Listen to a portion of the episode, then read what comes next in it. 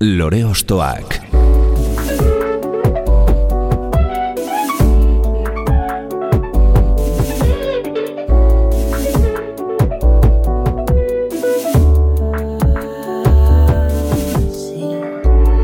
Ekain perezek aurkeztuta, gonbidatu bakoitza lore bat balitz bezala ostokatuko dugu. Jakiteko, zeintzuk diren bere lore ostoak. Haupa, zer moduz, ongietorri lore ostoakera. Talde donostiar bat hartuko dugu abia puntutzat gaurkoan, inigo etxarri gitaristarekin osatu genuen atal bat, baino rock eta blues doinu gozez geratu ginenez, eta lan berria eskuartean dutela baliatuz, Bertako abeslaria gonbidatu dugu, honen boz gora gaiu eta aurikularetan ze euskal kantu entzun diren, eta entzuten diren, deskubritzeko.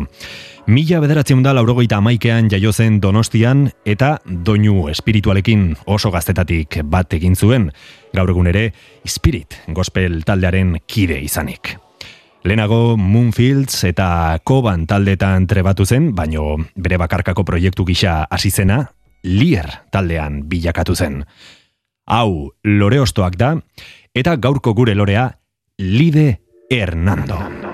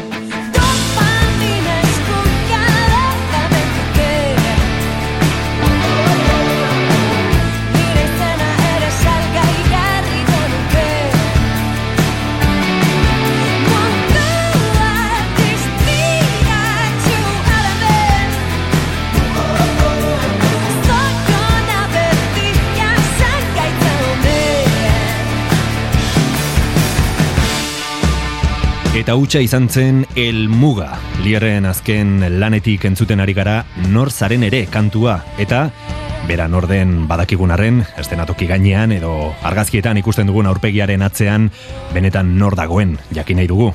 Lider Nando, ongi etorri? Kaixo, eskerrik asko, gomiatzagatik. Zuri, etortzagatik. Ze gaur egun, eh, aipatzen nuenarekin, geroz eta zailagoa da, bakoitza norden jakitea ez, edo errazagoa norberak proiektatu nahi duenarekin avatar moduko bat sortzea?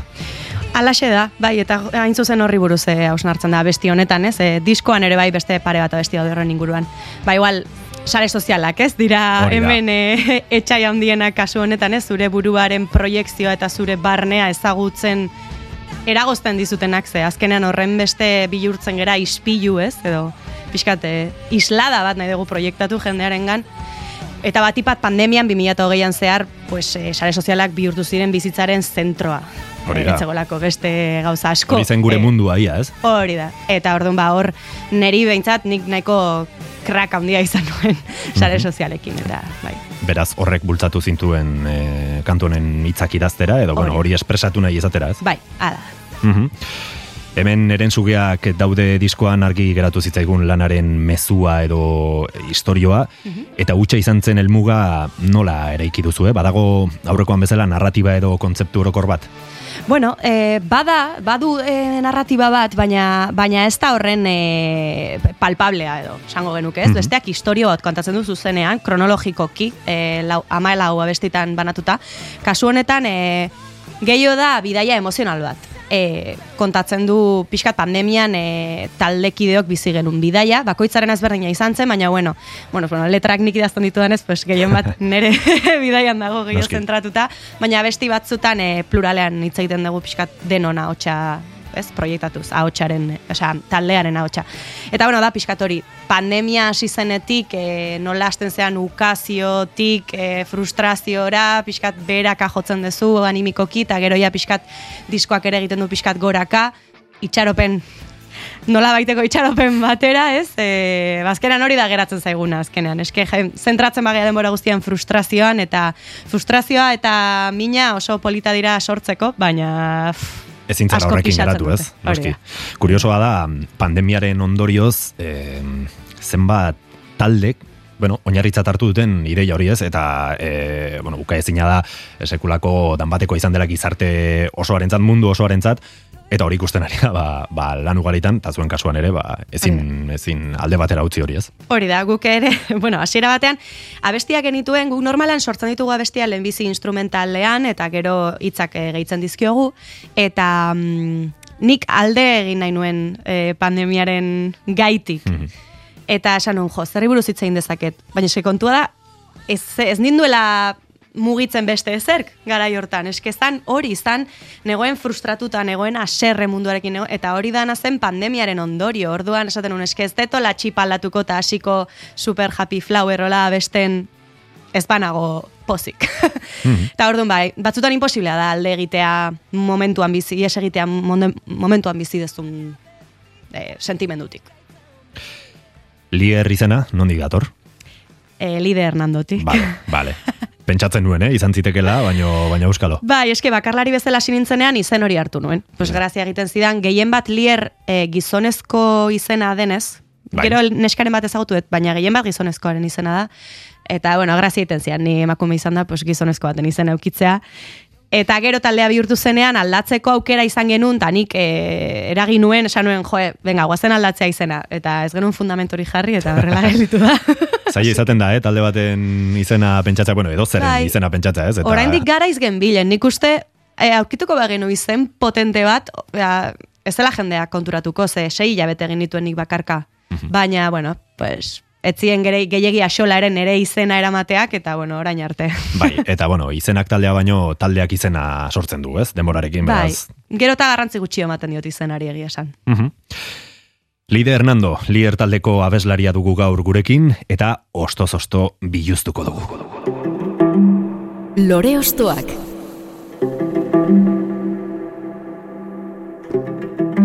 Lehen petaloa kenduko dizugu, lide, esai guzu, zerekin emango diogu hasiera bidaia honi.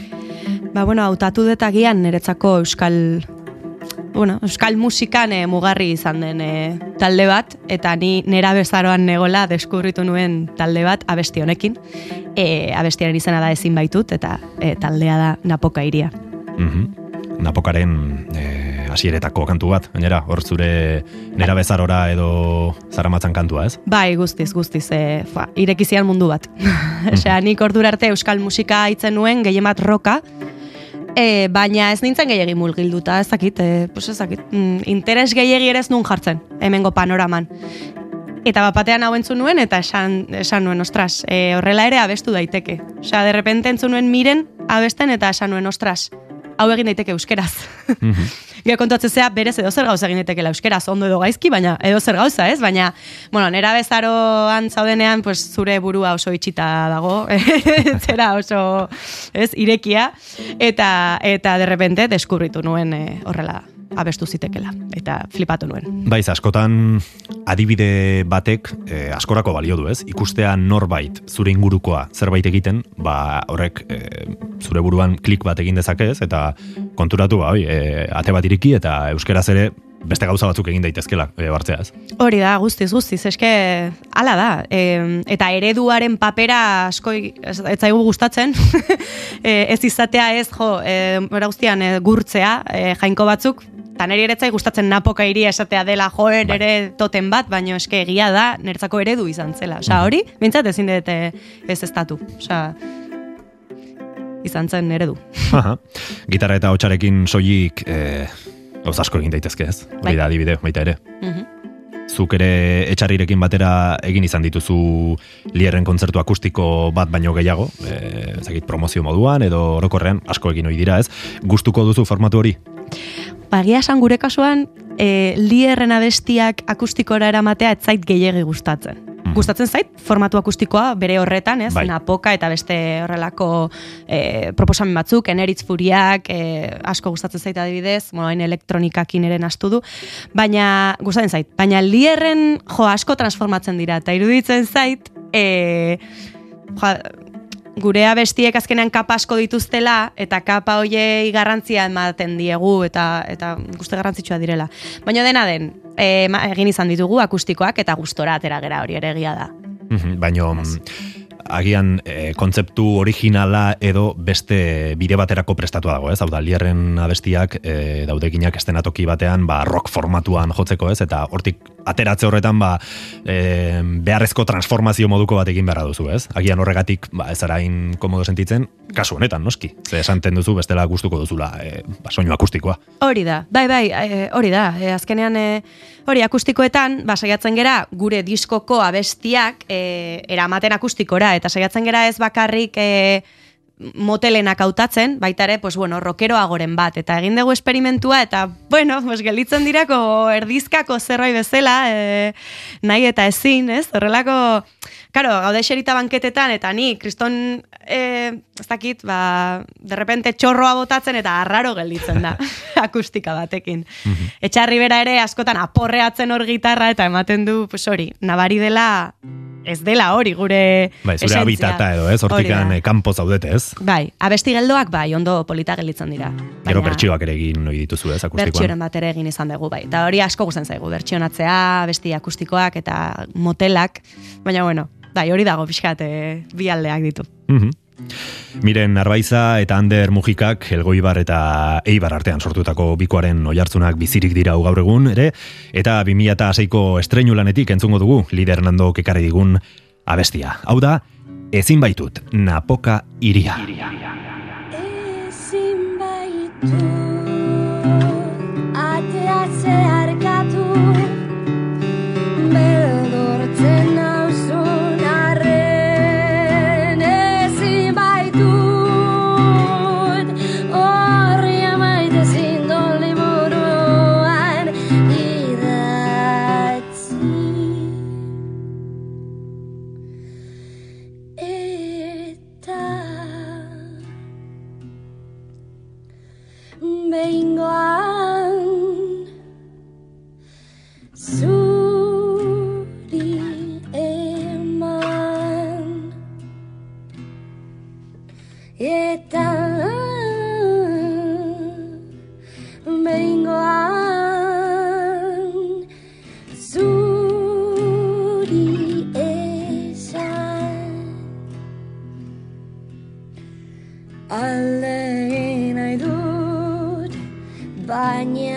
Sin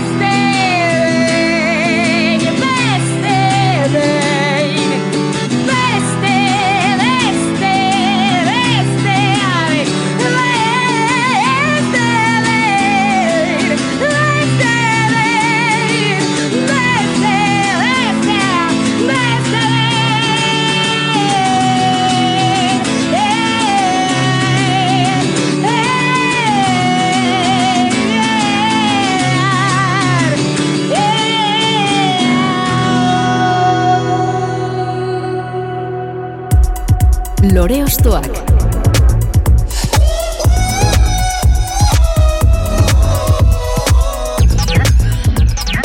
Gaur egun maiz moduan ezagutzen dugun miren arbaizaren ahotsak beste behin emozioz bete ditu gure sabel eta belarriak napokeiriaren ezin baitut abestiarekin. Lider Nando Liertaldeko front womanaren lehen proposamena izan da eta aurrera egin dugu bidean beste kantu batekin. Bai, bueno, bigarren e, abestia da e, bulk taldearen e, bulk ez da, beraien azken abestia esango nuke. Ez dute, bueno, igual beste bat atera dute, okerrez banago, baina aurten atera dute. Eta, bueno, e, bulk taldea nik ezagutu nuen siloziben, e, onjarbin, e, junintzen ara, ez dakit zertara, baino de rebote iritsi nintzen, Eta egia esate baet, e, lehenbiziko kontzertu horretan, osa, galitu nintzen bizkat, como, what? zer, zer da hau, ez? O, zer gertatu da hemen? Girau hauek zeintzuk dira. Osa, egia esan impresio eragin zidan. Ona edo txarra ezakit, baina impresioa bai. Eta ikusi nun, da esan nun, bua. Osa, ezakit, e, atean nintzen ezberdin, mm e, kontzertu hortatik. Baina, bueno, gero, ez nuen joera hartu behaiek entzuteko, so ez dakit, e, horrutzi nun. Osa, esperientzia hori hor dakat, gero ere gogoratzen naiz, e, bueno, bide gurutzean saioan e, agertu zirela baitare, eta programa hori oso gustora ikusi nuen, e, okerraz danago mursegorekin atera ziren, eta boa, oso programa polita egin zuten hor, eta hor ja berriz ere konektatu nuen beraiekin, eta esan nuen, ostras, eske oso interesgarriak dira, mhm. oso oso interesgarriak iruditzen zaizkit. Eta, bueno, nik ikusi nituen kontzertu hartan, ia dana inglesez abestu zuten, e, Eta bueno, orain derrepente ikusi eta besti hau euskeraz egin dutela, e, eta ez da, besterik gabe, jo, euskeraz gehiago guztain zaizkitelako, baina entzunena besti hau, eta hau da izan daia bete-betean esan detela, bale, bulk gustatzen zait. Mm bai. Bulk ez da, da titulua kantorena, kasu honetan zuretzat, bulk bada, ja ez? Hori da, bada, hori da. Be, abesti honekin ja konbentzitu naute. Mm bai. e, gainera, e, dagoeneko disko osoa kaleratu dute, eta dena euskeraz.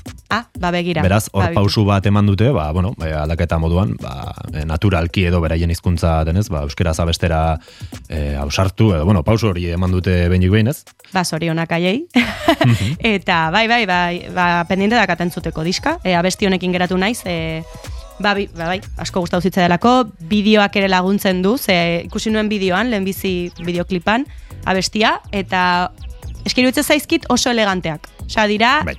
oso eleganteak, bulkekoak eta ez zaituzte berdin uzten. Osea, da zerbait, ke hori da. E, ez zaituzte berdin uzten.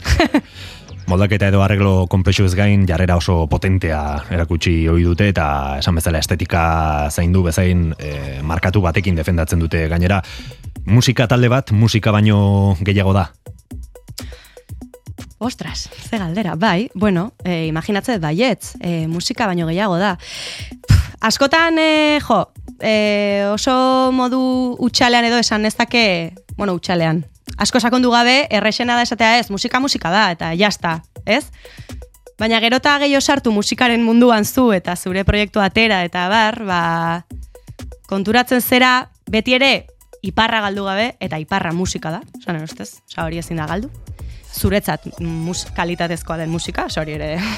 Bai, oso abstraktoa dela, ez? E, baina, jo, badaude gauza batzuk e, laguntzen dutenak, eta hori izan dezuna adibidez bulken kasuan, e, beraien estetikak eta estenaratzeak, osea, beraiek estenatokian daukaten indarra, e, joe, ba, ezberdina izango zen, ez? E, niretzako abesti berdina joak izango balira beste laukote baten gandik. Osea, hori ere egia da, eta asko kondizionatzen gaitu. Plus bat ematen dio agian, ez? Edo, bueno, e, gehigarri bat, gustuko izan dezakezu, ala ez? Bai. Baina hor dago gehigarri hori, ez? Gehigarri bat, eta era berean, kohesio bat pixkat zirkulua iste bat, ez? Osea, azkenean, e, beraieko musika hori jotzea eta horrela janztea, pues badauka zentzu bat, ez? E, beste kasu batzutan igual, e, ez dakit, musika, segun ze, ze musika motari pegatzen dion janzkera ez dut, ez dut eramaten artista batzuek, eta baino hala ere ez dakit, e, mm, deskompentsazio hori ere polita egiten da batzuetan, eta danak egiten du hori, proiektua. E, ez dakit. Beti ere, benekotasun hori galdu gabe, ez? Bai, hala ere hori, hori, iruditzen zait, kasu batzutan e, baita ere berriz, pues, sare sozialen eraginez, Noski. mm, sustatu dela asko irudia, sustatu da asko bideoklipa eta ez abestia, e, asko hitz egiten dute asko e, artista baten bideoklip berriaren inguruan eta e, ja, ba, osea, oso guapo bideoklipa baino abestia entzun den. Hori da, batzutan musika bigarren plano batean geratzen da, ez? Eta hori, Hori ez, hori ere ez da, ez? Edo ez luke izan behar, eh, Ez musikari da. batekin. eh, Hori bueno, da. Eta berdina gertatzen zait, irudiaz gain, e, beste elementu batekin gerota... Bueno, nire kontra esanak ditut, ez nago oso ziurrontaz esango detenaz, baino batzutan iruditzen zait abestia galdu iten dela ekoizpenaren mesedetan. Eta gaur egun ekoizpena dela como lo mas Bai. hartu adibidez zetanganaren diskoa. Disko ona dela, eh? Bai.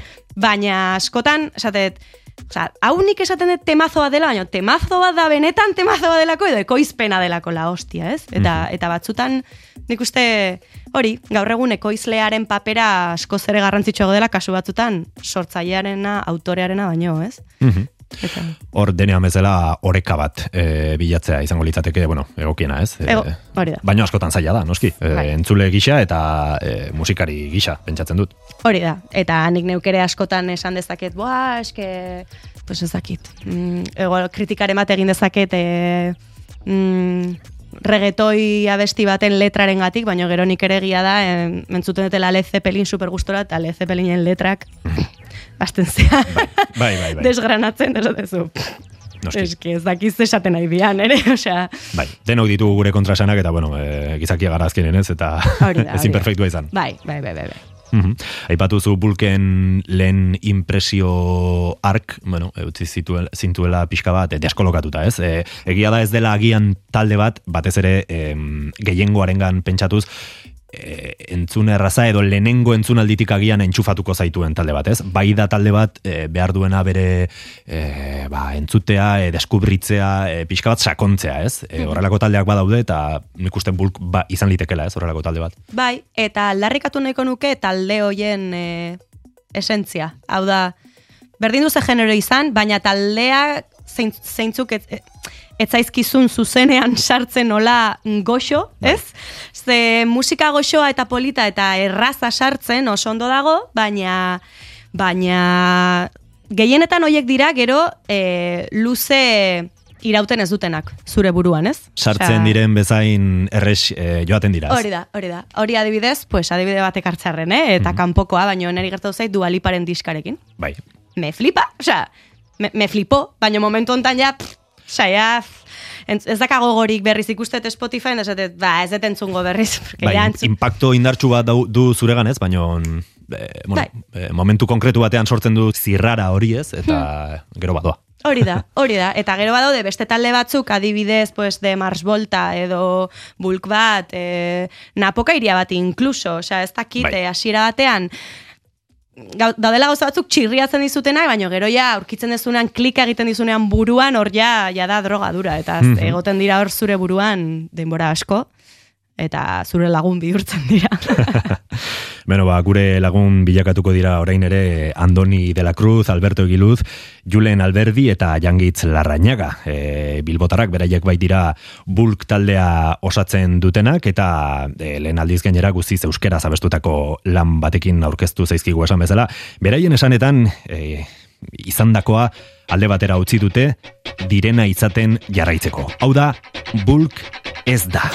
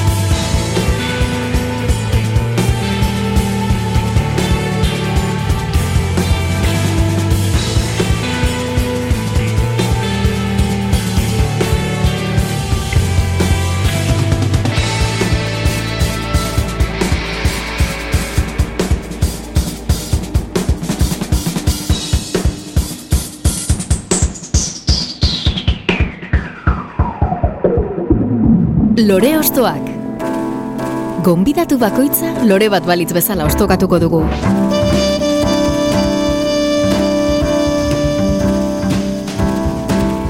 Rock estanda edo zurrumbilo baten moduan iritsi da gugana Bulk lauko bilbotarra. Bulk ez da kantuarekin entzun ditugu eta belarriak prest dauzkagu beste doinu batzuk entzuteko, beste lore osto bat nahi dugu, nire.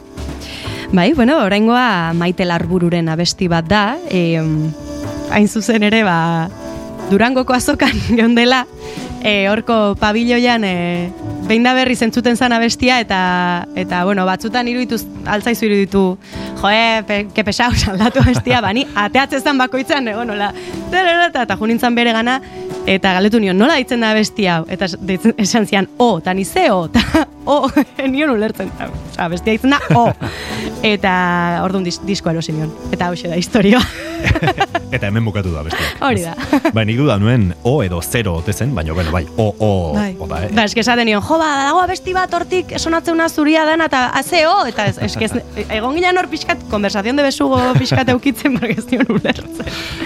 Bai, titulo originala, eh? Bai, egia esan, bai. Bai, bai. Eta bestia, e, bai. E, bai. Ez dakit, badauka zeo ze bluesetik daukana, e, oso ritmikoa da, eta eta gero ere oso aldakorra, ez dakit, bestia da montaña rusa bat bezala, eta, bueno, bera da, ez dakit, genia bat da. Maite artista gutxi izango dira gure herrian larbururen sormen askatasuna dutenak, baino batez ere sormen horri edo buruan duen ideia horri forma emateko gaitasuna e, duena, ez? Ze, nola baina bari da baitere formazio akademiko esanguratsu edala, duela, bai sorkuntzan eta baita interpretazioan ere, noski, em, zuk, adibidez, non ikasi duzu abesten?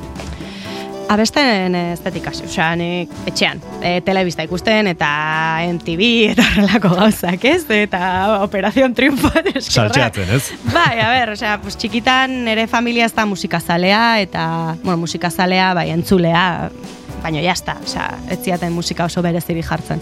Etxean, ez pedagogia musikalik egiten, e, baina, bueno, ni bakarrik hasi nintzen, pues, de repente, mm, hori, Asten zea abesten da kontuatzen zea gustatzen zaizula pilo bat. Da zauden bera ustean etxean bakarrik zauden bakoitzean abesten eta abesten eta imitatzen bat eta bestea ahotsak eta eta horrela. Eta mm pixkanaka, pues, kontuatzen zea afizio hori ez doala. Osa, txikitan adibidez marrazten nuen orain ez. Baina musikaren abeti egonda ez, nire e, alboan.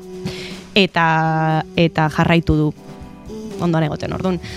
Urte batez, e, jaso nituen kantu klaseak, hasi nintzelako abesten, e, jakalean, e, piane jole, bueno, Moonfields taldearekin, eta gaixo jartzen nintzen. Ez nuen, ah, bai? ez nuen aguantatz, eske, oh, kalean udaran, dia lau ordu jarraian abesten, eta urrengo gunean ere bai. Eta ordun Bai, ez dago deskantzurik ez dago deskantzurik eta eta os, bueno, gaixotzen nintzen. Uh -huh. de repente anginak edo bueno, harrapatzen dituen eta esan jo ba hau, claro, ni jarraitu nahi eta hau egiten. Orduan ikasi bardet ondo egiten. Jo nintzen klase batzutara urte bete egon nintzen eta bueno, esperientziak baliozian eh hasierako, bueno, oinarrizko eh, datu, bueno, ikasketa batzuk eukitzeko, abest, edo teknika batzuk. Aplikatzen joan izenak eta orain esango nukeia pues, organikoki aplikatzen ditu dala horiek ez, pues diafragma erabiltzea eta hori dana, baina hori, eh, ez dut gehiago. Bestela autodidakta izan zara, eta bai. bueno, pixkanaka ba, ikasten joan zara, eta uh hartu zara abestea zure alboan egongo den zerbait dela, ez? Hori da. Beti. Hori da. Principios, bintzat. Bai, a ver, sango luke ja, hogeita amar urte dara maten, matza dela Ondo bizitza honetan. hori, ez? Osea, que ja, arraro alitzateke, de repente, ez oso oso traumatikoa gertatu beharko litzaidake musikarekin e, alde batera usteko. Ez ez, e, obe ez, obe ez, ez da bai. horrela izan. Hori Maite larbururekin em, lehenagotik bazenuen harreman bat, edo diskonekin deskubritu zenuen? Ez, bueno, aurreko, bueno, neighbor ez nuen, ez detentzun. Bai eh, esan beharra dut, barkatu, maite, ez dut inoiz entzun. Bueno, demora bada. Baina, bai, hori da. E, baina ezagutu nuen maite larburuia bakarkasi zenean, atera zuen e, hori gona, gona, uste? Bai, bai. Gona, e, abestia, eta horrek atentzioa ditu zian. Osea, ez, bai, ez sartu barruraino de buak e, jarto, baina, baina atentzioa ditu zian esan nuen, bua, e, tipa hau ere, oso interesgarria da. Uh e, iruditzen zaitu baita ere aldarrikatu beharrekoa bere alde akademikoa. Osea, e, eta alde akademikotik egin alizatea musika bat pixkat gizarte edo, askea edo gizarteratuagoa, ez? Bai. Musika mota hori, pues berak ikasi duen e, ez dakit musika barrokoa edo ez dakit zer bai, ikasi duen, bai, bai. bueno, kriston movida komplikatuak. Eta sakona. Bai, bai. E, baina, joe, horrek ematen dizu bagaje bat, eta askotan musikarion panoraman gutxi gera akademikoak, bueno, gu ez nien naiz akademikoa, osea, gutxi dira akademikoak direnak, eta jo, balorea jarri behar zaio, balioan jarri behar da hori. Ze, ze eske zeo zertako daude ikasketa horiek, ez? Bai, eta autu bat da baita ere, ez dela erresa, e, hori egitea ez, e, ba, autu hori egitea, ba, nik nahi ditut ikasketak egin, ikasketa musikalak ez? E, Bai. Hori da, hori da. Eta eta baliogarria iruditzen zait maiteren adibidea ere, zeren eh, askotan, ba, musikenetik pasatzen diren askok eta bar, badaukate zirkuitoa, beraiek musikaria dira eta hortaz bizi dira, baina baien zirkuitoan gelditzen dira. Bai. Osea, jasaren zirkuit, zirkuitoa oso soitxia da. Eta jotzen dute jasaldian, jotzen dute estatu mailako jas festivaletan, baina guk ez ditugu ezagutzen. Ta, en parte baita ere, gure interes faltagatik, eh? Osea, Bai. hori ere guk begiratu beharreko gauza bada. Baina maiteek egin du alegin bat sartzeko, ez? Egiteko musika bat, e, bueno, ba, gure idiosinkrasiarekin igual gehiago fusionatu aldena, ez? Eta eta ba, ba ne ustez oso positiboa da. Hori. Herberetan urte mordoa bizi ostean itzuli da Euskal Herrira maite larburu Hernaniarra, klasikaren esparruan esperientzia handiko violinista da, eta folk edo poparen esparruan Neigor e, proiektuarekin lehen pausuak eman ostean, 2008an kaleratu zuen ezurren azpian lehen bakarlana bertan, e, gona aipatutako abestia entzun izan genuen. Orain, crack izeneko bigarren diskotik entzungo dugu, O.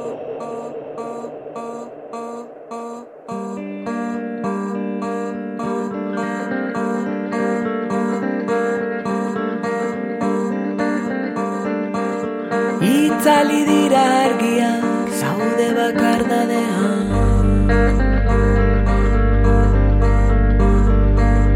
Utsaren iparrorratzean ezkerrala eskuin garri zain Urrarredun ezpada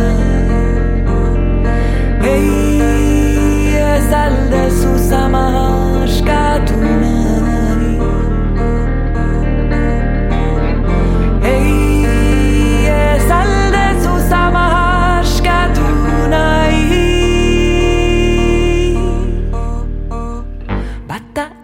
bestea, lurrunda izatea.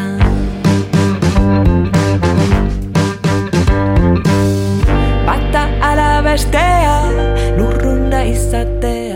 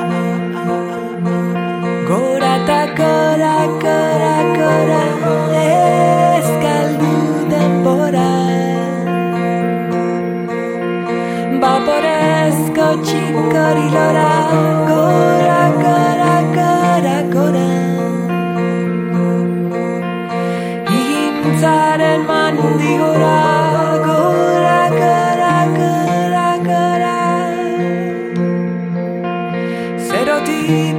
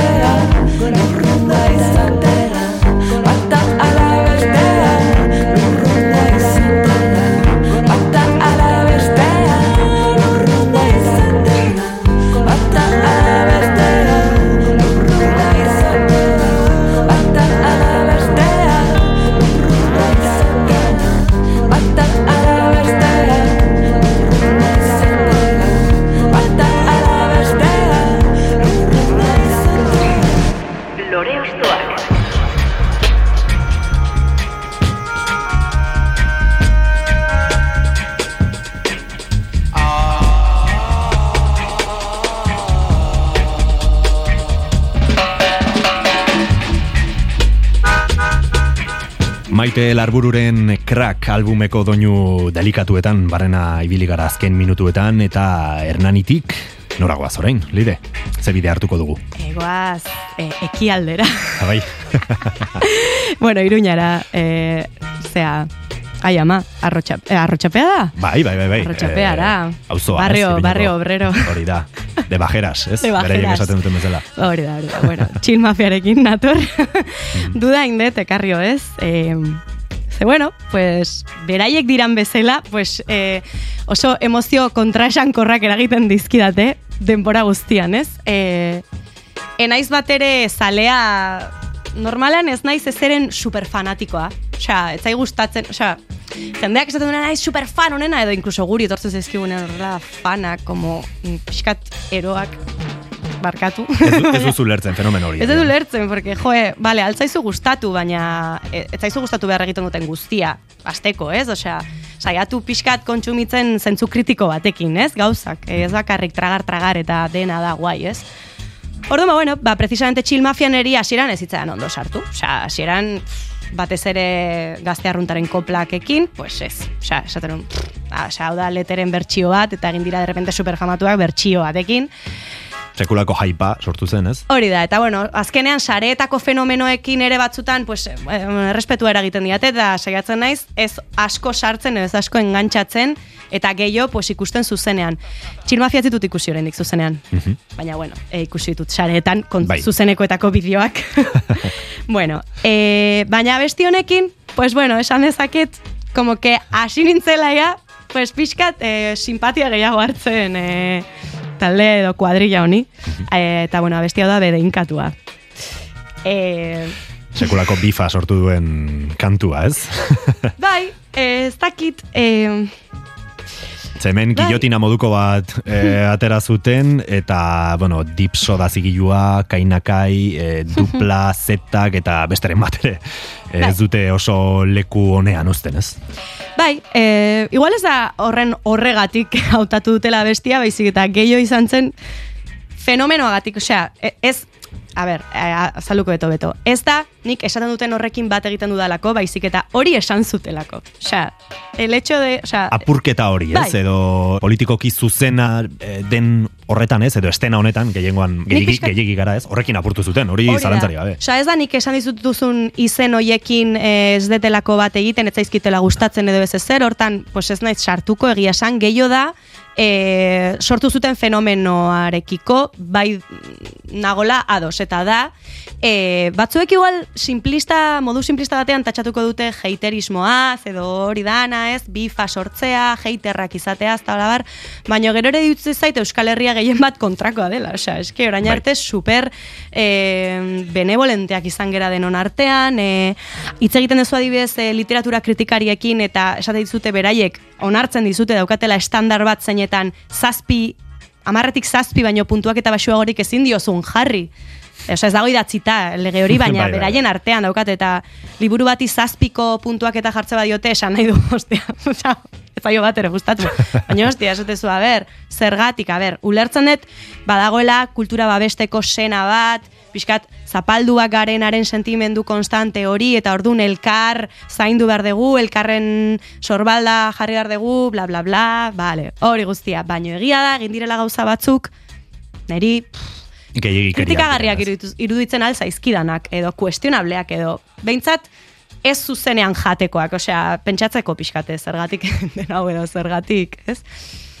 Eta bueno, ba, Chill Mafiak eh, gai hori irekitzea, horren desparpajo handiakin, eta, eta bar, pues, esan nuen, ostras, mm, ba ez dia horren tontoak, osea, ze hasieran txolinak emate zuten, hola, kesi Xabirlete, bli, bli, bla, bla, droga, Oso desprekupatuak bezala, ez? E, punk berriaren e, historia horrekin, eta Bai, bueno, ikusten eta- zaie oso kalekoak, ez? Baino nabari da badagoela atzean ere, hor, e, bueno, e, Hori da. gauzak diruditena baino pentsatuago daudela, ez? Hori da, hori da eragin zidatena, ez? Abesti honekin. Ze esanun, bale, osea, honi eman dizkiote pare bat buelta agian, eh? Pero igual, esango izu honek kilikik ez ez, baina, baina hori ere gaina gezurra da. Osea, ikusi ditut entrevista batzuk, esate du demora guztian, burutik pasatzen zaion lehenbiziko gauza esaten dula, bale, agian batzutan bai, Mhm. baina beste batzutan ez. Osea, nik uste gauza batzuk, eta gauza badazuk, idazten dezun txio bat, Twitterren, hori igual bai, altzaizu eskapatuela, baina abesti bat, Bai.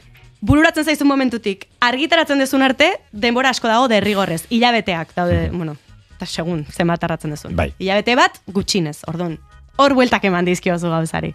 Eta ez ba, zea retraktatu gara hortan, osea, epe hortan da, pues, benetan- Pentsatzen duzulako eta... Hori da, Mhm. hori da. Nolabait, e, apurtzaile batzuk izan daitezke, ez? E, gero regetoiaren em, kontzeptu hori ere euskeraz e, sartzea, ba, gure herrian ez da oso ohikoa, beraz, Mm. bai mezu aldetik, bai musika aldetik, ba, agian horregatik izan da e, horrelako estanda, ez?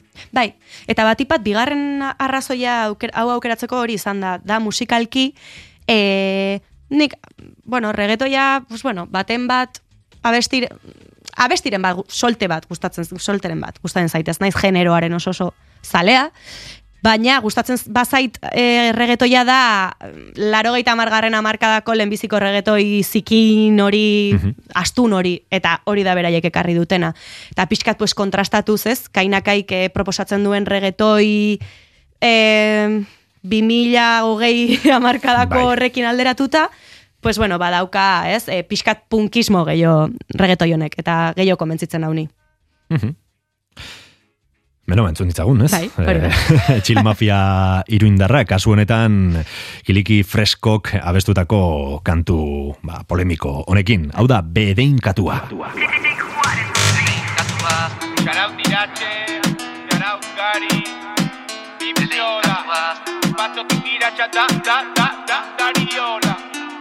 Zertan joan dira ma bos mila, honela ziko nahi Zertan primo. Gora la mila, putikan gorrai Gora baraka,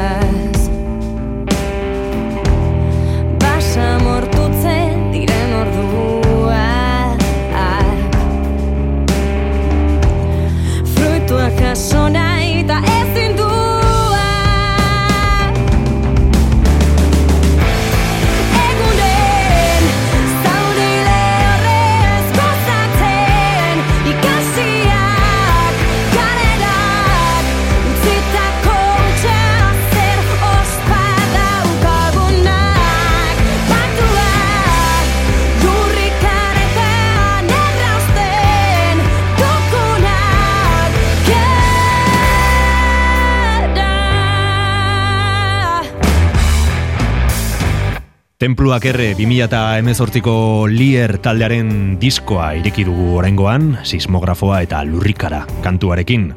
Aipatu dugu hasieran musika beltzarekin harreman oso sakona duzula aspalditik, e, eta kantua boinarrian soul kantu bat dela esan dezakegu ez? Bai, bai, bai, esango nuke bai, ez? E, azkenean nik e, melodiak sortzerakoan e, beti jotzen dut horrelako iturrietara, ez? Denok ditugu gure, gure totemak. Eta, eta ateratz, azkenean, balen aipatu dudana, ez? E, txikitatik abesten eta imitatzen zatozen ahotsetatik, ba, tortzen zaizu, geratzen zaizu zure, zurea den ahots bat, baina ja poso batzuk dituena, e, zure referentziena, ez? Eta, bueno, pues nire kasuan, pues hor daude Alicia Keys, e, Whitney Houston, jo que sé, Aretha Franklin, horrelako ahotsak, eta orduan melodiak jotzen dute beraiek egin ahal izango luketen zeo zertara, naiz eta naizen beraien zolara iristen, baina, bueno, txabeintzat, hori, txa, nire sortzerako momentuan, hau txoiek, askotan pentsatzen dut, e, e, zer egingo luke ez dakit nork musika honekin. Nik horrela sortzen dut askotan, eh? Ataskatuta nagoenean, pasatzen dit e, hori, etxarrik adibidez, berak e, sortzen ditu lierren base musikal gehienak. e, pasatzen dit baten bat eta gustatzen bazait e, baten batola, saiatuko, esan venga, saiatuko naiz oli melodia ateratzen eta Zade, zeingo nuke hemen alizeak isek. Zure burutik ateratzen zara, ez? bai, bai, bai, ataskoa dakatenean, hori egiten dut. Bai. Mhm. Beraz, aipatu duzu etxarrik normalean kantuak horrela sortzen dituzu, etxarrik instrumentazio bat edo sortzen du eta gero hortik eraikitzen joaten zarete? Ba, ez dakagu sistema zehatzik, baina azken aldian ba, mm, bidea hori izaten ari da. E, bide naturala hori da. Mhm. Zergatik bazkenean ba, etxarrik dakalako buru sortzaile bat bestena, baino, baino asko zere, mm, ezakit, almen handiagoa dauka sortzeko, batipat gitarrarekin eta bueno, instrumentala. Bai. Eta, eta orduan ba, berak, sortzen eta sortzen doa eta guri bidaltzen. Bitu hau egin eta egin eta eta ja saturazio maila ez daukagunean eta ja iruditzen zaitenean dela momentu egokia berriz ere ziklo berri bat irekitzen hasteko orduan hasten naiz kaso egiten eta esaten pega vale non dituzu besti hoiek pasa berriz eta horrela izaten da bai mhm. Sismografoa eta lurrikara da esan bezala kantuaren izena eta tenpluak erre diskoa lierren ibilbidean ere lurrikara moduko bat izan zen, ez? Hau da, diskonek nolabait kontsakratu zuen lier gaur egun dena, izan liteke? Bai, bai, ba, ala da. Eta abesti honek, igual. Abesti honek, Ez da igual ezagunena, so igual gero, bueno, bai, bada nahiko ezaguna, igual irratian eta gehien jartzen dezuena hau da. Baina, e, hau izan zen diskoa aurkezteko singela. Bai. Eta gentozen beste disko batetik, hauts, dela, lierren lehenbiziko diska talde gisa, Eta hori zen nahiko, bueno, zen mezkolantza bat nik nituen abestiena, etxarrik aurretik zituen beste abesti batzuena, pixkatin genuen zaku berean sartu, eta, eta jazta, atera. Pixka, kontzientzia askori gabe, ez genero aldetik ez ezer, hortxe doaz. Eta zen nahiko pop-rock mm, mix bat, mm, soul zeozekin, baina mm -hmm. jazta. Probatzen ari zineten, ez? Hori da, abertze egin genezaken laukotean. Bai. Eta gero ja tenpluak erreia izan zen bat aldean sortutako mm, lehenbiziko diskoa.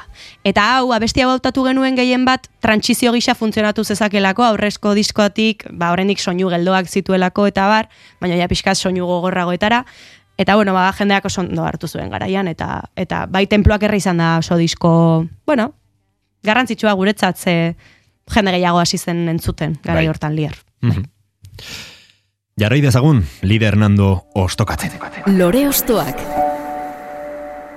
Pentsatzen dut ez dela bat ere xamurra izango, urrengo hau aipatzea, baino bizitza gaurrera dira, sai guzu lide, norekin guaz. Bai. Bueno, ba, e, urrengo bestia, e, bueno, egia esaten baita ere, pixkat, e, terapia de txoke moduan hartu dut, ze egia esan hau gertatu zenetik, ezin izan detentzun. Mm -hmm. Osea, ezin ezkoa. Bueno, hau da Diabolo Kiwi, e, Diabolo Kiwiren e, azken abestia, azken diskoaren e, ameslariak e, abestia. Eta, bueno, ba, ez dakit entzulek jakingo duten, baina, bueno, Diabolo Kiwi da basen afarroko talde bat, eta, eta bueno, bertako abeslaria leire, ba, duela hilabete edo, ba, zendu zen, e, autoistripu batean. Bueno, izan zen sekulako xoka, bai, nahiko urduri dago, eh? Bai, normal, e, eta, eta, bueno, ba, egia esateko, hori, e, diskotzar bat atera zuten, atera berri zuten, e, Durangoko azokan e, gure, bueno, bertan geunden, postuetan geunden e, taldeon artean, pues asko komentatzen zen, talde hori. Eske, eske, ez da, eske ez da benetan hau gertatu delako, eh? baina eske komentatzen zen. E, ze talde txarra, hau edakate kriston etorkizuna. Bai, Eta- proposamen, proposamen originala, ez? E, Bai. Funk eta, bueno, e, doinu elektronikaren eta e, soinu espazial hoiekin, eta, bueno, zerbait berria e, eskain, eskaini zuten, ez? Disko Bai. honekin edo dute, edo, bueno. Hori da, hori da. Bai. Eta, bueno, gainera, pues hori, eh, ez dakit, ez. Bueno, ara txaskarrilloa dira, baina, bueno, jo nintzen berien postura, Bai. zoriontzera, erosi nion diska, eske ez dakit, esa diritaz nahiko surrealista hau dena, ez? E, bueno, beraiekin kointzitu dugu pare bat aliz jotzen, eta, bueno, pues dira, zuzenekoan ere oso onak dira. Mhm. Oso onak dira, eta super jatorrak, oso oso jatorrak, oso humilak, e, sorry, hasi berriaren, e, bueno, eta ez dira hasi berriak, musikan denbora asko daramate, baina talde bezala, pues ez ziren oso ezagunak, eta pues grina hori daukate, gogo hori, eta bueno, leire bera ere, pues, e, ez dakit, vitalidadez betetako pertsona zen.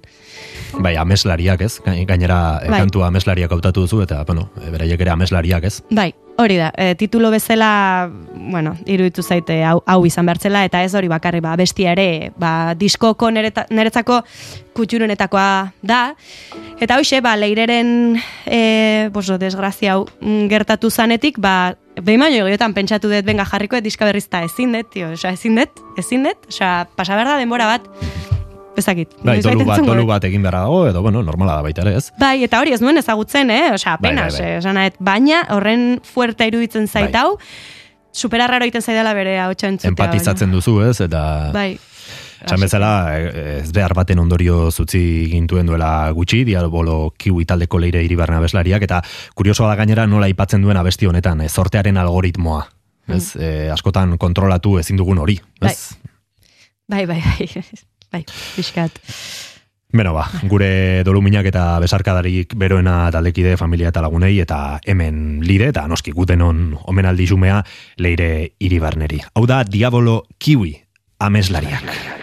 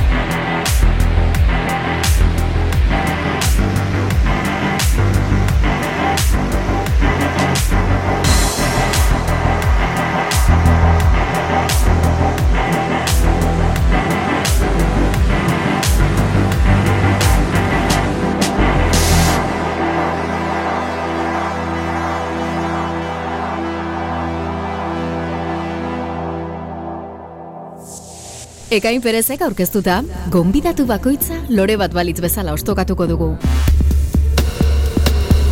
Lore ostoak.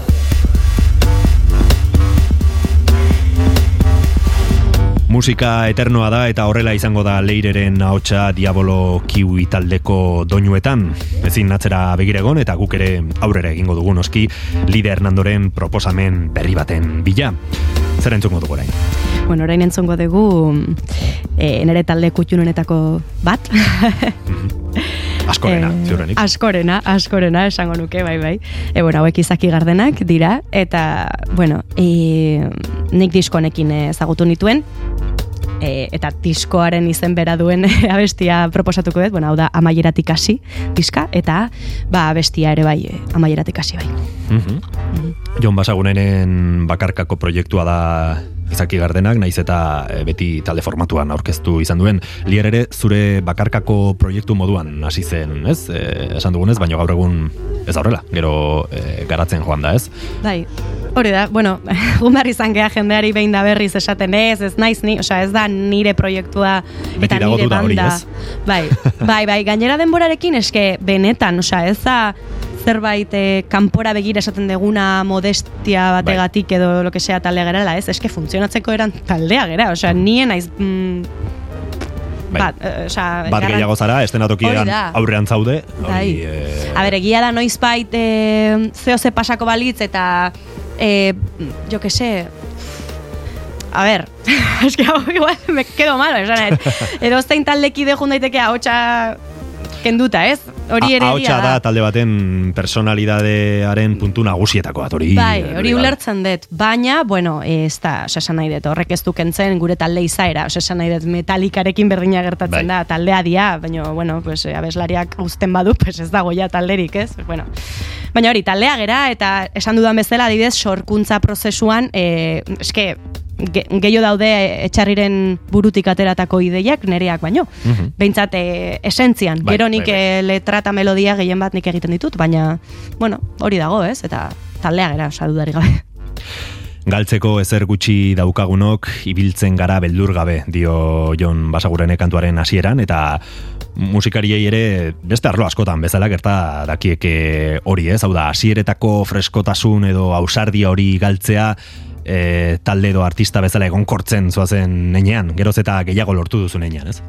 Hori da, bai, bai. Eta, bueno, onartu behar dut, e, abesti honek e, inspirazioa eragin zidala, sismografa eta lorrikarako Ah, bai? letra, bai, e, idazterako orduan nik uste e, filosofian bat egiten dutela bi abestiek, ze da pixkat hori musikariok e, askotan e, ohituta gaude galtzera, edo bueno, e, bizi behar gara beti margin batean, ez? Ezin dugu guztiz musikaz bizi, baino dakagun lanean ere ezin dugu denbora guztian kontzentratuta egon, porque musika dakagu ere, orduan, e, osea, askotan burua dakagu bi gauzetan, eta ez dugu ez batez beste egiten behar dan bezala, ez? Eta, eta diru asko galtzen dugu, e, ordu asko galtzen ditugu gero retorno gutxi daukan zerbait egiten, sabeti gaude, Sakrifizio hori ez, Hori da. E, baino aldi berean betetzen zaituena eta agian droga moduko bat, Hori izan da. daiteke ez? Eta era berean hori galtze, hori, eske galtzeko itura dakagun guztiok edo bai, e, ez dakagunek ezer galtzeko, ba beldur gutxigokin bizi gera edo edo bueno, bizitzari beste ikuspegi batekin afrontatzen az, dugu bizitza. Mhm. Jon Basagurenen luman beraz identifikatua sentitzen zara, baita ere, musikaz Bai, gain. bai e, iruditzen zait pertsona bat zeinakin asko konektatzet filosofikoki bere letrak irakurrita, eh? Osa, askotan da como irakurrita, ah, ados, ados. Honekin ere bai, ados. bai, gustatzen zai bera idazteko modua, ze da e, poetikoa, baina ez horren errebesatua, osea, ondo ulertzen duzu. Igual Badu lehenbizikoan- zuzentasun puntu hori ez? Bai, e, bai, osea, batzutan, batzuen letrak mila aldiz entzun da ere esatezu baina zerri buruz ari da. Eta jonekin badakizu, zertaz ari den. Mhm. E, igual metaforeren bat ez harrapatzen, baina más o menos esentzia ulertzen duzu. Bai, ez dago horren besteko margena interpretaziorako, ez? E, gutxi gora berakoa badakizu, Bai. behintzat. Eta gustatzen zait ere, gizaki gardenaken e, estiloa dela, abestiak e, san daiteke poparen estruktura daukatela edo nahiko goxo sartzen direla, baino letrak dira nahiko zaska. Bai. Eta dago pixkat dualidade hori, ari zea lala, jiji jaja, entzuten abesti bat, baina de repente reparatzen duzu letra, eta ez duzu, hostia, eski ari da jende askorekin sartzen. Bai, bai, bai, bai. Jende askorekin edo panorama batekin sartzen, edo pentsamolde bat, batzuekin sartzen. Mhm. Kamuflatuta dagoela nola baitez. Bai, hori da, hori da. Bai. Orain dela gutxi gainera pasadena taldea en, sortu du liberekin Mhm. batera eta bueno, eh, duela gutxi hemen izan genuen gomidatzen zaituztet entzule guztioi ba e, atal hori entzutera baita ere ze oso oso tipo interesgarria da. Jon Bai. Basaguren bai e, bueno, irrati lokutore bezala, e, musikari bezala eta arlo guztietan, baino gaur, e, izaki gardenaken hasieretako doinuetara e, itzuliko gara, 2013ko diskoari izena ematen dion, amaieratik hasi kantua entzunez.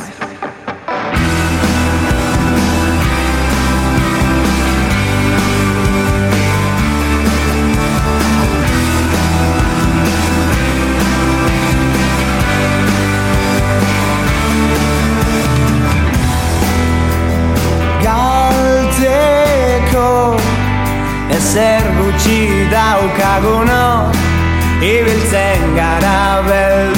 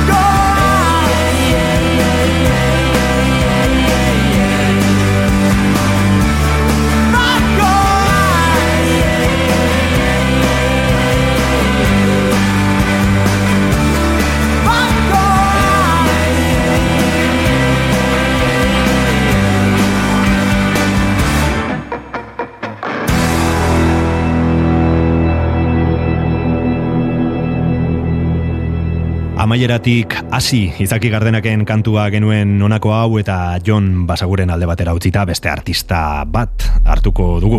Lore Ostoak. Ez da edonolako artista gainera, orain proposatu nahi diguzuna, ez da? Hori da, Niko Etxart, bera. Jainkoen, jainkoa. Bai, ez? Gure herrian Bai. dudari gabe. Mito bat. Mhm. Egia esan, e, bueno, Niko Etxart, e, ez dakit, e, berandu hasi naiz bere musika murgiltzen, ze esan bezala, bos hori, nek etxean ez dut euskal musika jaso, gurasoen gandik, bera gehiago entzute zuten Bruce Springsteen, adibidez. E, eta bueno, ba, euskal musika ba, pixkat aurreko bo, e, belaunaldietakoa edo asko ez dut entzun, ez Ruper, ez Niko, ez Benito, osea, ez dakit, ez dakat bagaje hori. Mhm.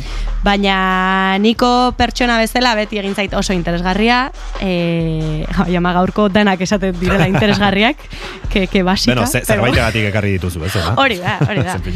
Eta bueno, eta jakinda baita ere bera izan dela Euskal Herrira, bueno, ofizialki, e, rock and rolla eta bluesa ekarri dituena, pues claro, ni naizela rock and rolla eta bluesa asko maite dituen pertsona bat, pues ezin nuen ez aipatu, ez? Eta Ez hori- genuen gutxiago espero. Hori da.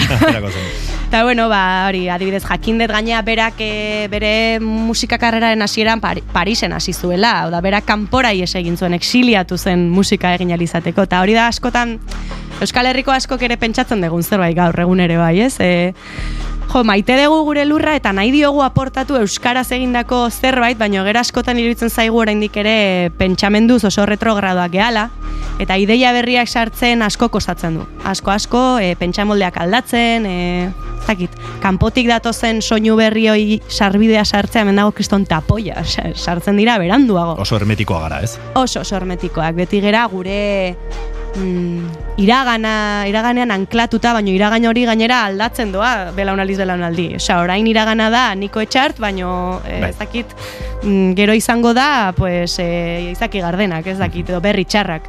Ez? Edo chill mafia. edo chill mafia, eta baino beti iragana, orduan, Bai. da, como zergatik, eske ez dakit, ez dakit, eta, mm, bueno, beti ere, e, zerbait, e, maitasunez egina denean, eta eta ez bakarrik hortik dirua ateratzeko e, gogoz, ba, datorren berri guztiari ateak ireki behar zaizkio, tio. Eta, eta, bueno, niko etxarte bergaraian hori egin zuen.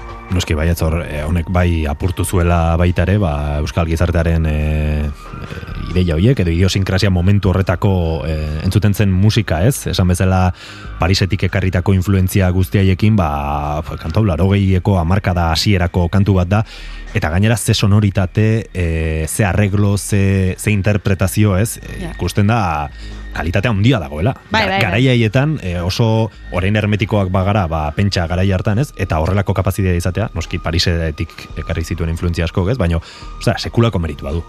Bai, bai, bai, bai. Eta hori, eta honek ere demostratzen du, hain dela berrogeita piko urte, egiten zen musika benetan zaintzen zela ze musikarik jotzen zuten eta eta zenbat zekiten musikari horiek. Osea, hemen entzuten dan, e, entzungo den e, musika da oso ondo jotakoa behintzat, osea, esan Bai. gero dezakezu zure iritzia estrukturaren e, komplexutasunaren inguruan, ze azkenen blues bat da, osea, bluesak mm, simplea da. Estandar, forman. estandar batzuk daude, ez? Edo, blusa oso simplea da forman, ezin dezu esan super gauza komplikatu denik. Bai. Baina dago eskizitoki eginda. Eta, eta gaur egun, bueno, badaude gauza asko ondo eginda, baina beste gauza batzuk jotzen dutena sinpletasunera edo pixkat e, akademi, akademia horri uko egitera, eta, bueno, nire ez naiz akademikoa, baina e, baloratu nahiko nuke gehiago, ez, e, jende benetan e, ikasketak edo benetan bizitza osoa horri, hori ikasten daraman jendeak egindako esfortzu hori, ez?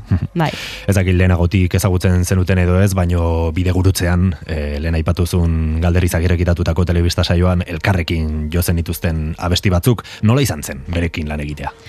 Ba, bueno, plazerutxa izan zen, egia esateko e, oso urduri geunden gu, ze, bueno, ba, azkenean Petxi eta Niko Etxartekin egingo genuen topo, eta egun guztia egongo ginen beraiekin, baina, bueno, eske aluzinatu genuen, ze bio, biak izan ziren super apalak, super, oza, gu bezala, oza, ez genuen nabaritu ez da momentu baten ez ni naiz hemen e, garrantzitsuena, ez ezer, eta, eta barkatu baino, bazen garrantzitsuena egun horretan, oza, geuden dena komuniko, ondo zaude, dena ondo, Bai. eta era irurogeita ama ezak izan bat urte ditu. Baina, bueno, bere edadeakin dagu hor berari galdetzenea nekatuta zeon, da, a ber, egun luzea izan zen, Noski. eta bukararako nekatuta zeon da eserita egon barzun, baina esa vitalidade bat, Nabari da rockero bat daramala hor barruan, ez? Bai. Bueno, rockero bat dela. total, etorri izan bere musikarietako batekin, harmonizista batekin, bueno, Bai, osea, bai, bai, mm, bere ondoan Mick Jagger, vamos, Bai, oso autentikoak, ez, biak, eta, eta esan duzu ez, batez ere, eh, handiak musikari bezala, baina pertsona bezala ere oso handiak, ez, eh, naturaltasun horrekin, eta Oso, oso, bai, bai, eske bai, bai, flipantea izan zen. Eta badaude beste artista batzuk, ba, badaukaten aura hori ez, pixkate pretenziosoak Bai. direnak edo handi uste hori daukatenak. ego hori, ez, edo... Bai, ba, honei ez dio afektatu, ez dakit. Nik uste, eta badaukan bagajeakin eta badaukan eskubide horrekin, inkluso, Hori eh, da, hori hori eukitzeko, eh? Noski baietz. Bai. Niko etxartek behintzat eh, badu lizentzia hori, Bai. nahi izan ezkedo. Eta hain zuzen ere, ba, abesti hau eh, jo genuen. Haietako berak ekarri zuen bere abestia hau izan zen, e, Oltzarte Blues. Eta, eta bueno, ba, ezagutzen nuen, baina bueno, hor ja hobeto ezagutzeko parada izan nuen. Eta, Beste bueno, modu batera ikusten duzu ja, eh, jadanik ez, abesti. Noski. Bai, hori da, hori da. Eta bueno, ba kutxuna, ez dakit, abesti kutxun ba bihurtu da niko etxartena niretzako eta horregatik ekarri nahi nuen gaurkoan, bai. Goazen ba, Niko Etxart, erraldoiaren mila bederatzen da gehieko az dantzan disko edo monumentu hartako arribitxi batekin hau da, Olzarte Blues.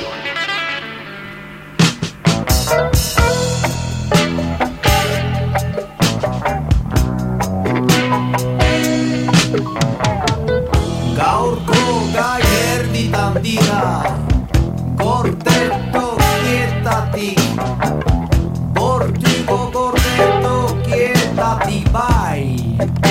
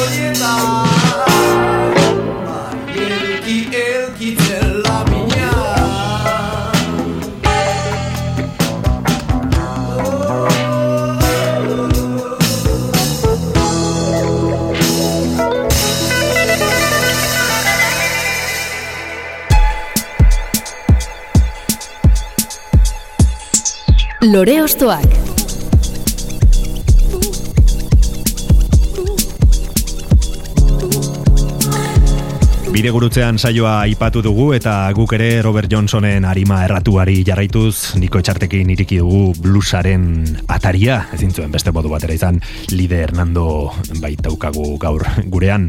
Eta zure soinu edo doinuen lorea guztiz ostokatzeko azken proposamen bat eskatuko dizut. Bai. Ba, bueno, hemen kasu honetan e, gertu harrapatzen gaituen e, talde bat aipatuko dut, e, baina ez horregatik ez dena ba, benetan baliotsua egin dutena. e, beraiek sinisten ez duten arren, ze iruditzen zaidu batzutan, e, ez dakit, e, askotan esan diet, jo, tio, jo, behar dezute gehiago. bueno, hau dia Pelax, bueno, unai Pelaioren e, taldea edo, edo, edo proiektua. Bai. E, aldaketa asko izan dituen taldea da, e, hasi zen gehiago pues, blues rock mm, kutsu horrekin, eta gero ja egin zuen e, ABDE doble vinilo monumentala, xa eskiru itzen zait. Mm, Euskal Herriak e, gehiago hartu bertzuela aintzat e, disko hori, hartu zuen, baina oso undergroundean gelditu den zerbait da, eta, bueno, banik, e, mikrofono bat ematen dioten bakoitzan aldarrikatzen dut lan hau, pixkatastuna naiz. Baina eske iruditzen zait, e, behar dutela bozgoraio gehiago daukatena baino, bai. Berasek ere blues rock e, doinuak ditu abia puntutzat, baino progresiboaren alderdi experimental horrek ematen dio ikuspuntu ezberdin bat, ez? Bai, bai, bai, eman zuten hori. Bueno, e, aldaketatxo bat, baina beti ere mantendu ze pixkat bluesaren. Esentzia hori, ez? e, bai, gustu hori, bluesarena eta riff e, potenteena, edo, bai, errepikakor hoiena, e, desertikoa, ez dakit. bueno, eske, mm, iruditzen zain mara- marabila bat egin zutena, e, 2008an, begia esan. Bai. Zea, bestiek arri diguzu? ba, eh, a, a aldea, eske, claro, esan dudan Zaila bezala- dago abesti bat artean, menez? Zaila dago, hori da, hori da. Bueno, egin zutena zen e, A, B, D, E izeneko e, vinilo bikoitz bat atera, Bai. non e, lau letra hoietako bakoitza da abesti bat, eta abesti horrek iraute ditu iaia hogei minutu. Orduan dira, hogei minutuko lau abesti. Basiko, basikamente. Eta zuk A aldeak arri diguzu, ez? bai, bueno, bat aukeratzearen, ez? Denak hartuko nituzke, baina, bueno, pixkate, bat aurtu behartzen, eta A horretatik ere zatitxo bat aukeratu dut tamales, ba, ez hemen ezin delako e, hogei minutuko pieza bat eman. Saio osoa beteko genuke, ez? Hori. Pelasekin. Hori da. Ez legoke gaizki, ez? Dare, baina, bueno, hemen... eh, Hori da. Gustatu zitzaidan ere, egin zuten pultsoa, bueno, esan, ber, beraiek beti saitza egiten dudanean pelaxekin, eta ber, beti, pues bueno, irratiarekiko ez daukate, igual, ez dakit, besteek daukagun konfiantza hori, baina eske ja, atera zutenean, hogei minutuko abesti bat, esan nien, tio, baina eske egin dezute ja, la formula perfecta irratian ez jartzeko, tio, eske ematen du nahi dezutela hori, da, da, bela xuda, no. A ber, oso ondo dago, eta, eta proposamen artistiko bezala iruditzen zait kriston hor dagoa, osea, Bai. eske iruditzen zait Ausarta, ez? geniala, bai, Mhm, bai, Eta bai, originala, bai. noski. Hori da. Baina, hori, horregatik, ba, bueno, niri gustatzen zaitala ere aldarrikatzea beraien eh, sormena edonon, eta behintzat, bo, esa abest, talde abesti hoien eh, zatitxo bat eh, erakutsi alizatea, eske merezi dute, benetan. Mhm. Mhm. Unai Pelaio, donostiarra da e, Pelax, edo bueno, e, bere taldea, ez? Esan duzun bezala. Eta aipatutako 2008ko lan hartatik, entzungo dugu beraz, Lider Hernandoren azken loreostoa. Hau da, A aldea. Zenbat Aldiz Ari Natzaizu Zalantza eragiten Ez duen Iruditegiaz Elikatzen denaz. Dramatikoa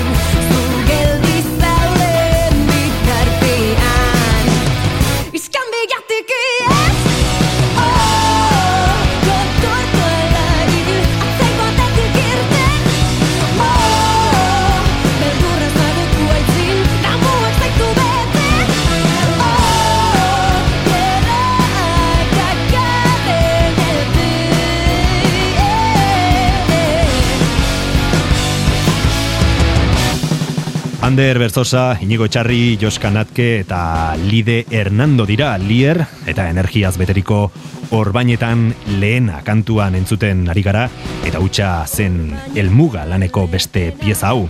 Zer kontatzen diguzu hemen? Ba, da pixkate kritika inmobilismoari.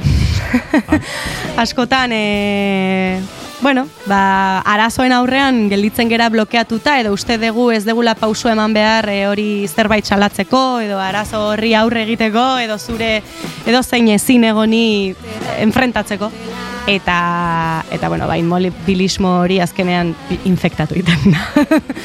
eta hori, ba, iskan bilatik ies egiten dugu, eta bueno, hori azkenean gero errebote bezala etortzen zaigu, ez? Mhm, Bumeran bezala. Gehiago pentsatu beharko genuke agian e, kapaz garela gauzak aldatzeko edo eraldatzeko, ez? Hori da, hori da, zure bizitzan, eta inkluso ingurukoenean ere pausu txikiak emanez, pues, gauza, e, gauzak egin daitezkela. Eta hortik ateratzen dugu, bueno, orain e, ematen du e, e, sponsor moment, ez, sponsor ez, baina atera ditugu poltsak e, abesti honen esaldi batek dela gerta ezin da dena ez bazera hasten. Eta, pues, da pixkat hori, ez? Bai. A ber, gero igual ezingo dezu egin, baina ez bazera hasten, desde luego ez ez. Bai, bai, bai, bai. Lehen pieza hori jartzen ez baduzu, e, puzlea ez egingo, ez? Hori da, hori da. Aipatu didazu entzuten ari ginen bitartean, kantu hau baizuk komposatua dela, ez? Bai, bai, bai, bueno, e, bintzate zurdura. Hori da, bai, Gero bakoitzak eh, bere instrumentuarekin du, aportatu ditu bere bere bai, bere gauzak. Baina, bueno, ideia hasieran neria izan zen. E, itxi aldian geundela, pues, goiz baten, pixkat ja e, aserre beti bezala, ez egunero bezala, ba, ja, bueno, sano, venga, sor, sortzera noa zerbait, eta, bueno, estribillotik hasi zen, eta gero, pues, e, estrofak bai, eta, bueno, sortu zen. Garate estudioan grabatu zenuten lana, kaki arkarazorekin, zein izan zen aukeraketa horren arrazoia?